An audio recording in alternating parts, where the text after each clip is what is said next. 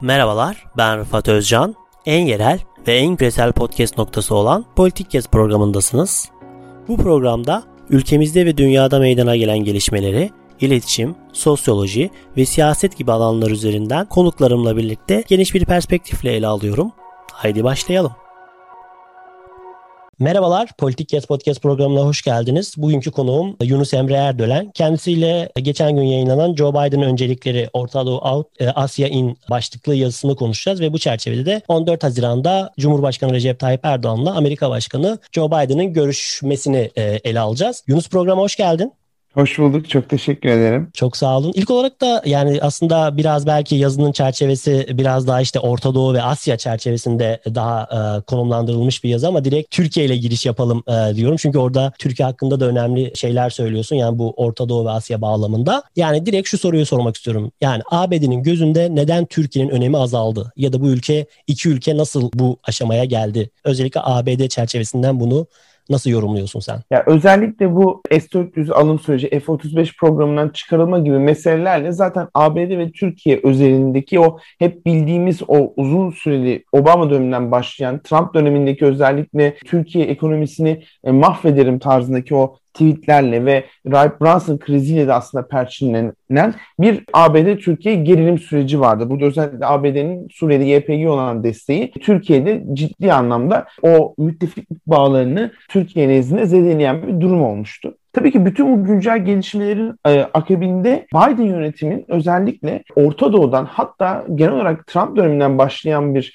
aslında dış politika de, eksen değişikliğine genel olarak Amerika'nın artık önceliğini Orta Doğu'ya vermediği bir parametre de doğdu. Özellikle bu Trump döneminde son 200 senedir ve Biden'ın da e, göreve başlar başlamaz bizim e, gördüğümüz, gözlemlediğimiz bir şeydi. Özellikle Çin'in çok ciddi bir ABD'nin rakibi olarak çıkması ve böylece aslında ABD'nin önceliğinin bu Güney Asya'daki diğer işte Japonya, Güney Kore gibi liberal demokrat olarak değerlendiği ülkelerle birlikte Çin'e karşı bir alternatif oluşturmayı e, seçmesi Amerika'nın Orta Doğu'daki çıkarlarını, Orta Doğu'daki dengelerle ilgisini bir tık azalttı. Elbette ki Amerika tamamen Orta Doğu'da olanlarla ilgilenmiyor denemez ama sonuç olarak bugün Amerika'da e, dış politika nezdinde en çok konuşulan konu Çin ve Çin'le rekabet. Özellikle bu Covid-19'un da çıkmasıyla ve bunun şu anda da araştırılıyor bir Çin'deki laboratuvardan çıkıp çıkmadı mı gibi. Çin'in çok ciddi bir ticari rakibe dönüşmesiyle, Trump döneminde başlayan ABD-Çin ticaret savaşıyla bu gibi meselelerle aslında Çin tamamen Amerika'nın gündeminde olan bir e, mevkiydi. Şimdi bunu bu, bu nedenle de aslında Orta Doğu'da ve Orta Doğu'da bulunan Türkiye'nin Amerika nezdindeki önemi hem e, son 5-6 senedir yaşanan bu gerilimler nedeniyle zaten Amerika eskisi kadar Türkiye'yi güvenilir bir NATO müttefik olarak görmüyor. NATO müttefiki olmasına ve güven, güven, güvenli bir partner olarak görmesini düşünmemize rağmen. İkincisi zaten Türkiye'den bağımsız olarak bir dış politikada bir eksen değişikliği, bir öncelik değişikliği var. Şimdi bu ikisi birleştiği zaman evet Türkiye'nin önemi Amerika nezdinde e, çok azaldı. Hatta çok somut bir örnek bu Türkiye'de çok belki konuşulmadı ama bence çok önemliydi. Joe Biden e, Türkiye Cumhurbaşkanı Erdoğan'la görüşeceği Avrupa ziyaretini çok detaylı bir şekilde anlattı The Washington Post gazetesindeki kendi yazdığı makalesinde ve bu makalesinde Rusya, İngiltere, Avrupa Birliği, NATO görüşmelerini çok detaylı bir şekilde anlatırken Türkiye'den tek kelime bile bahsetmedi. Burada tabii ki bahsetmediği diğer görüşmelerde olabilir gibi yorumlar yapılabilir ama sonuç olarak bir NATO müttefikiyle bu kadar Türkiye'de gündem olan bir görüşmeden hiç bahsetmemesi oldukça bu öncelik mevzusunda çok somutlayan bir durum olarak düşünüyorum. Şimdi bir de yine yazıda da bahsediyorsun. Bu başkanların ilk ziyaretlerinin e, öneminden bahsediyorsun ve şimdi de tabii ki Covid'den dolayı aslında e, mecburen ilk telefon görüşmelerini e, baz alıyoruz. Yani yaklaşık 5 ay geçti e, göreve geldikten sonra. Şimdi ilk ziyaretini dışına yapıyor sanırım. Bu sonuç başkanı işte Obama, Trump ve şimdi Joe Biden'ın ilk temaslarına baktığımızda sen burada neler görüyorsun ve Türkiye'de burada ne anlam taşıyor diye soracaktım ama biraz önce biraz ona cevap verdin. Belki onu daha da detaylandırabilirsin.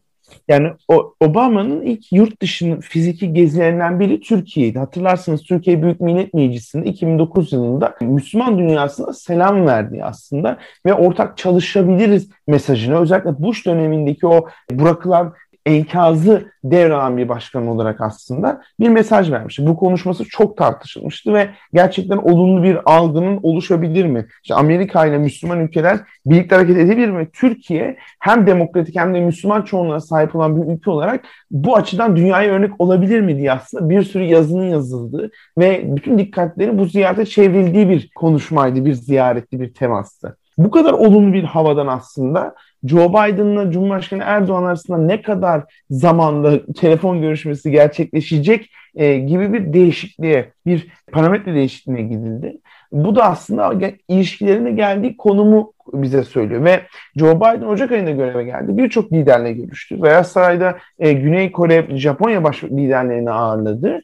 Ama Türkiye ile ilk telefon görüşmesi Cumhurbaşkanı Erdoğan'la Biden arasındaki ilk telefon görüşmesi 23 Nisan'da gerçek. Ve bunun da gerçekleşmesinin arka planında 24 Nisan'da Joe Biden'ın yaptığı Ermeni soykırımı açıklaması vardı. İlk kez ABD Başkanı soykırım ifadesini kullandı 24 Nisan'daki açıklamasında. Şimdi bu nedenle aslında baktığımız zaman hem telefon görüşmesi geliş, gecikti hem de telefon görüşmesinin konteksti ve arka planı da Türkiye açısından oldukça olumsuz bir durum. Bu nedenle aslında bu ilk ziyaretler, telefon görüşmelerini değerlendiğimiz zaman da Amerika-Türkiye ilişkilerinin hani objektif olarak baktığımız zaman sırf bu parametreler bile bize gelinen noktanın ne kadar olumsuz olduğunu söylüyor. Şimdi e, bir de Türkiye ve ABD ilişkilerindeki kriz noktalarından bahsedelim istiyorum. Yani bildiğiniz üzere Türkiye'de 9 ay sonra gündeme gelen bir Biden'ın Türkiye muhalefetiyle ilgili söylediği bir söylem vardı. Onun dışında da yani Türkiye ABD arasında çeşitli anlaş anlaşmazlık noktaları var. İşte ilk aklınıza gelenler işte FETÖ, YPG ve S-400 meseleleri. Bu konuların gündeme geleceği aşikar ve bu konularda bir gelişme, bir ilerleme kaydedebileceğini olabileceğini e, düşünüyor musun? Şimdi açıkçası e, şey Biden Ulusal Güvenlik Danışmanı Jake Sullivan bu görüşmedeki konuşabilecek konuları sayarken işte insan hakları e, başlığı da olacak, demokrasi de olacak. İşte Suriye, Afganistan, Karabağ, Doğu Akdeniz konuları olacak açıklaması yaptı. Bunun ek olarak dediğiniz gibi FETÖ, Sur, Suriye'deki PYD, YPG'ye Amerika desteği, S-400 e, konusu, Rusya ile ilişkiler çünkü aynı zamanda bu Haziran'daki Biden'ın şeyinde gezisinde iki gün sonra Erdoğan'la görüşmesinden Putin'le de bir görüşmesi var. Bu nedenle Rusya ile Türkiye ilişkileri de aslında e, ister istemez gündeme gelecektir. NATO ile ilgili mevzular. Bir sürü konu başlığı var aslında. Yani beşten fazla çok uzun konuşulabilecek Türkiye ile Amerika'nın çok büyük anlaşmazlıklarının olduğu konular var. Buradaki belki en Türkiye için şu anda Amerika ile Türkiye arasında en çok konuşulan bu son 3 haftadır bizim Türkiye'de e, en azından haberlere, makalelere baktığımız zaman en çok gündeme gelen mevzu S-400 konusunun ne olacağı. Hatırlarsanız Trump başkanlığı bırakmadan kassa yaptırımlarından en hafifini bize seçmişti. Bunu seçmesi zorunluydu çünkü kongre bir yasa tasası geçirerek kassa yaptırımları uygulanmalısının mecburiyetini ortaya çıkarmıştı. Bütün bunlar durumunda Trump en hafiflerini seçmişti ve şu anda Türkiye bu yaptırımların e, kaldırılması daha da ağırlaşmamasını istiyor. Amerika ise S-400'ler çıkan yasa gereği Türkiye'nin mülkiyetinde olduğu sürece bu yaptırımların uygulanmasını ve bu S-400'lerin aktive edilmesi söz konusu olsa yaptırımların da ağırlaştırılmasını, çok ağır ekonomik yaptırımlar var bu yaptırımlar arasında, e, ağırlaştırmasını savunuyor. Şimdi e, bu S-400 konusunun nasıl çözüleceğine dair en son geçen geçtiğimiz haftalarda Wendy Sherman Dışişleri Bakan Yardımcısı geldi ve Türkiye'ye biz e, ne önerdiğimizi somut olarak söyledik gibi bir cümle kullandı. Bu önerinin ne olduğunu bilmiyoruz. Bazıları diyor ki işte İncil'e konulması S-400'lerin. Bazıları diyor ki Türkiye yazılı bir belge imzalasın, taahhütname imzalasın Amerika'ya yönelik ki kongre bu yaptırımları kaldırmakla ikna olsun. Bazıları diyor ki işte e, Türkiye'de yurt dışındaki bir askeri üstüne bu S-400'leri konumlandırsın ya da bir depoya koysun ve aktive etmesin. Şimdi bu gibi bir sürü senaryo var. Bu senaryodan hangisi Türkiye kabul eder ve Amerika da bunu kabul eder. Hangi konuda uzlaşırlar onu bilmiyoruz. Ama benim gözlemlediğim kadarıyla net bir şekilde iki ülkenin uzlaşına dair bir emare yok. Yani böyle bir emare olsaydı hem bir formülün basını sızdırılacağını iki taraftan ve çok üzerinde yazılacağını da söyleyebilirdik. Böyle bir şey okumadım, görmedim. Bu nedenle bu S-400 meselesinin bu görüşmede çözülememeye bırakılması, belki genel prensiplerin ortaya konması ve sonraki süreçlere daha alt kademe yöneticileri müzakereye bırakılması söz konusu olabilir. Ve biz bu görüşmeden hani ne çok olumlu bir hava ne çok olumsuz bir hava anlaşamamakta anlaşan iki lider portresi görebiliriz. Bence burası önemli. Çünkü hatırlarsanız 23 Nisan'daki Biden-Erdoğan konuşması, e, görüşmesinden sonra Biden'ın açıklamasında Türkiye ile işte işbirliklerimizin derinleşmesi aynı zamanda anlaşamadığımız noktalarında efektif yönetimi demişti. Yani anlaşamadığımız noktalarda anlaşmak ve hangi noktalarda anlaşamadığımızı tespit edip bu anlaşmazlıkları büyük bir krize çevirmeden çözüm odaklı gitmeye çalışmak gibi bir e, prensip benimseneceğini düşünüyorum. Yani bu noktada S-400'ün çözümü hemen kavuşturulmasa da Suriye konusu, Afganistan konusu veya FETÖ konusu bu gibi konularda aslında tam çözüme karar verilmese bile nasıl çözüme kavuşturabileceğine dair bir yol haritası çıkabilir ya da e, nasıl çalışılabileceğine dair bir yol haritası çıkarılabilir. E, burada da Türkiye Trump döneminde özellikle Trump ile kişisel ilişki kurmaya çok alışmış bir dış politika varken e, Biden dönemindeki o kurumsal dış politikaya da adapte olması gerekecek. Bu noktada bu görüşmelerin açıkçası çok somut işte S-400 konusunda bunu yapıyoruz, YPG konusunda bu bunu olacak gibi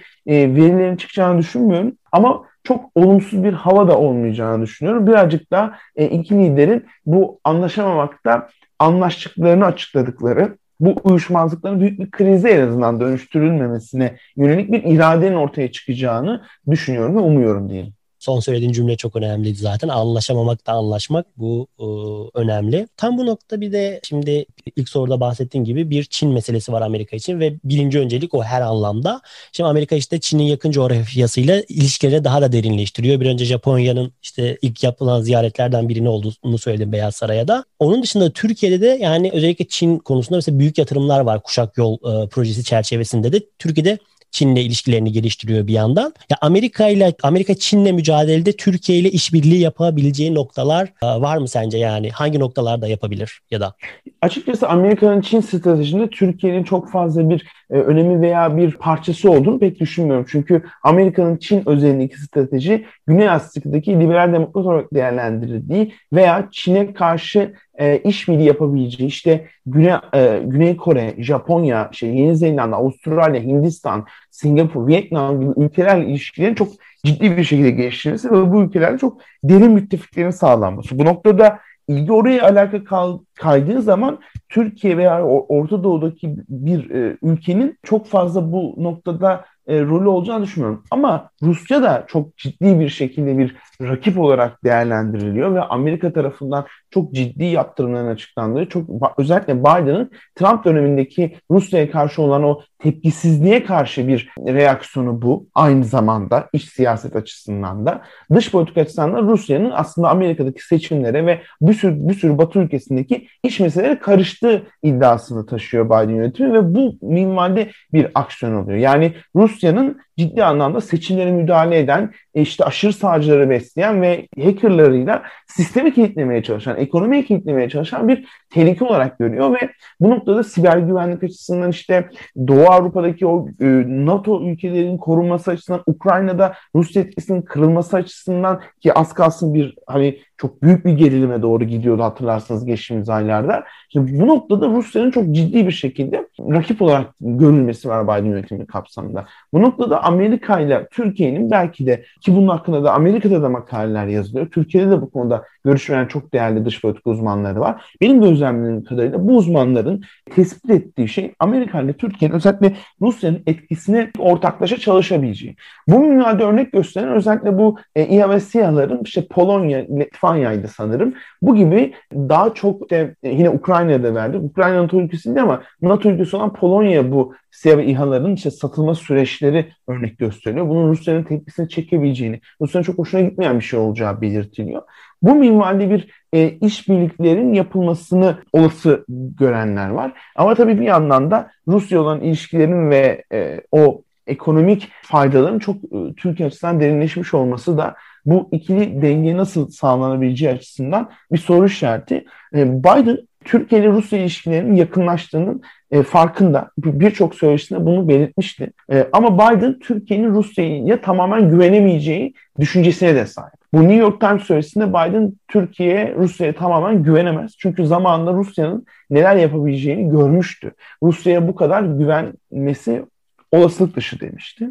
Bu noktada Amerika ile olan ilişkilerine de Türkiye'nin ihtiyacı olduğunu düşünüyor Biden. E, bu noktada da aslında bu ikili dengenin de e, farkında olan bir isim. Ama tabii ki bu ikili dengenin nasıl kurulacağı da şu anda çok muğlak. Türkiye ile başladık. Türkiye ile devam edelim. Yani son olarak da şunu e, sormak istiyorum. Türkiye'nin yani bir önce bahsettiğin işte Rusya konusunda bir ortak çalışma alanı olabilir ve bunun dışında sence Türkiye ve ABD'nin ortak çıkarları neler olabilir? Hangi noktalarda çalışabilirler? Yani bu konuda ilişkiler nasıl daha da geliştirilebilir? Anlaşmazlık noktaları bir tarafa bırakılacak olursa. Yani mesela bu Afganistan'da Amerika çekilme kararı aldı ve bu karar aslında Amerika'da çok ciddi bir anlamda eleştirildi. Oradaki e, Taliban'ı güçlendirecek miyiz? Oradaki siviller işte Taliban'ın hedef alacağı e, insanlar, e, masum insanlar ne olacak? gibi bir tartışma çıktı. Burada Amerika aslında mesela Türkiye ile bir iletişim kurdu ve hem Türkiye'nin arabuluculuk sürecinde, ateşkes sürecinde hem de bu oradaki mesela bugün haber çıktı. Havalimanını Türkiye'nin koruyabileceği konuşuluyor. Oradaki güvenliği Türkiye'nin sağlayabileceği konuşuluyor. Çünkü Türkiye Amerika ile birlikte çıkmıyor. Şimdi bu noktada bu bir işbirliği alanı ortaya çıkıyor. Ya da burada işte e, yine Rusya'nın etkisinin kırılması, belki İran'ın müzakere sürecinde Türkiye'nin bir e, etkisinin olması ki bu da konuşulacak konular arasında dendi Amerika tarafından. İran konusu da yine konuşulacak dendi. Bu gibi meseleler aslında ortaklaşılabilecek. Yine Libya'daki durum, oradaki Libya'daki süreç e, de e, Amerika ile Türkiye'nin ortaklaşabileceği bir husus olarak değerlendiriliyor bazı uzmanlar tarafından. Bütün bu şeylere baktığımızda bir sürü alan ortaya çıkabiliyor. Ama S-400 konusu ve Amerika'nın S-400'ler nezdinde alabileceği yaptırım kararları, alma olasılığı bulunan yaptırım kararları bütün bu işbirliklerini etkisiz çıkarabilecek kadar çok büyük e, bir olay olur. Bu nedenle S-400 konusunda e, bu işbirliklerin çok etkin uzun vadeli sürmesi için çözülmesi aslında elzem. Çünkü şu an açıklanan yaptırımlar çok az, belki çok etkisiz ama bunların üstündeki yaptırımlar işte Türkiye'nin kredi almasını engelleyebilecek veya ekonomisine çok ciddi zarar verebilecek yaptırımlar ve bunları bir başkanın seçmesi e, çok kolay o ilişkinin gerginliğine göre. Tabii ki şu anda bu olası gözükmüyor, çok muhtemel gözükmüyor ama sonuç olarak bu sorunun çözülmesi lazım ki bu işbirliği alanları çok daha uzun vadeli ve ikili ilişkileri tekrardan o eski günlerdeki gibi sağlamlaştıran konuma getirsin. Çok teşekkür ederim Yunus. Benim sorularım burada bitti. Senin bu konu bağlamında son olarak söylemek istediğin herhangi bir şey var mıdır? Çok teşekkür ederim. Çok sağ olasın. Yunus Emre Erdoğan ile Joe Biden'ın önceliklerini e, konuştuk ve 14 Haziran'daki Erdoğan-Biden görüşmesini ele aldık. Bizi dinlediğiniz için teşekkürler. Kulağınız bizde olsun. En yerel ve en küresel podcast programı Politik Kesti dinlediniz. Bizi Spotify, Apple, Google Podcast üzerinden ve sosyal medya hesaplarımızdan takip etmeyi unutmayın. Yeni başlıklar ve konuklar için kulağınız bizde olsun.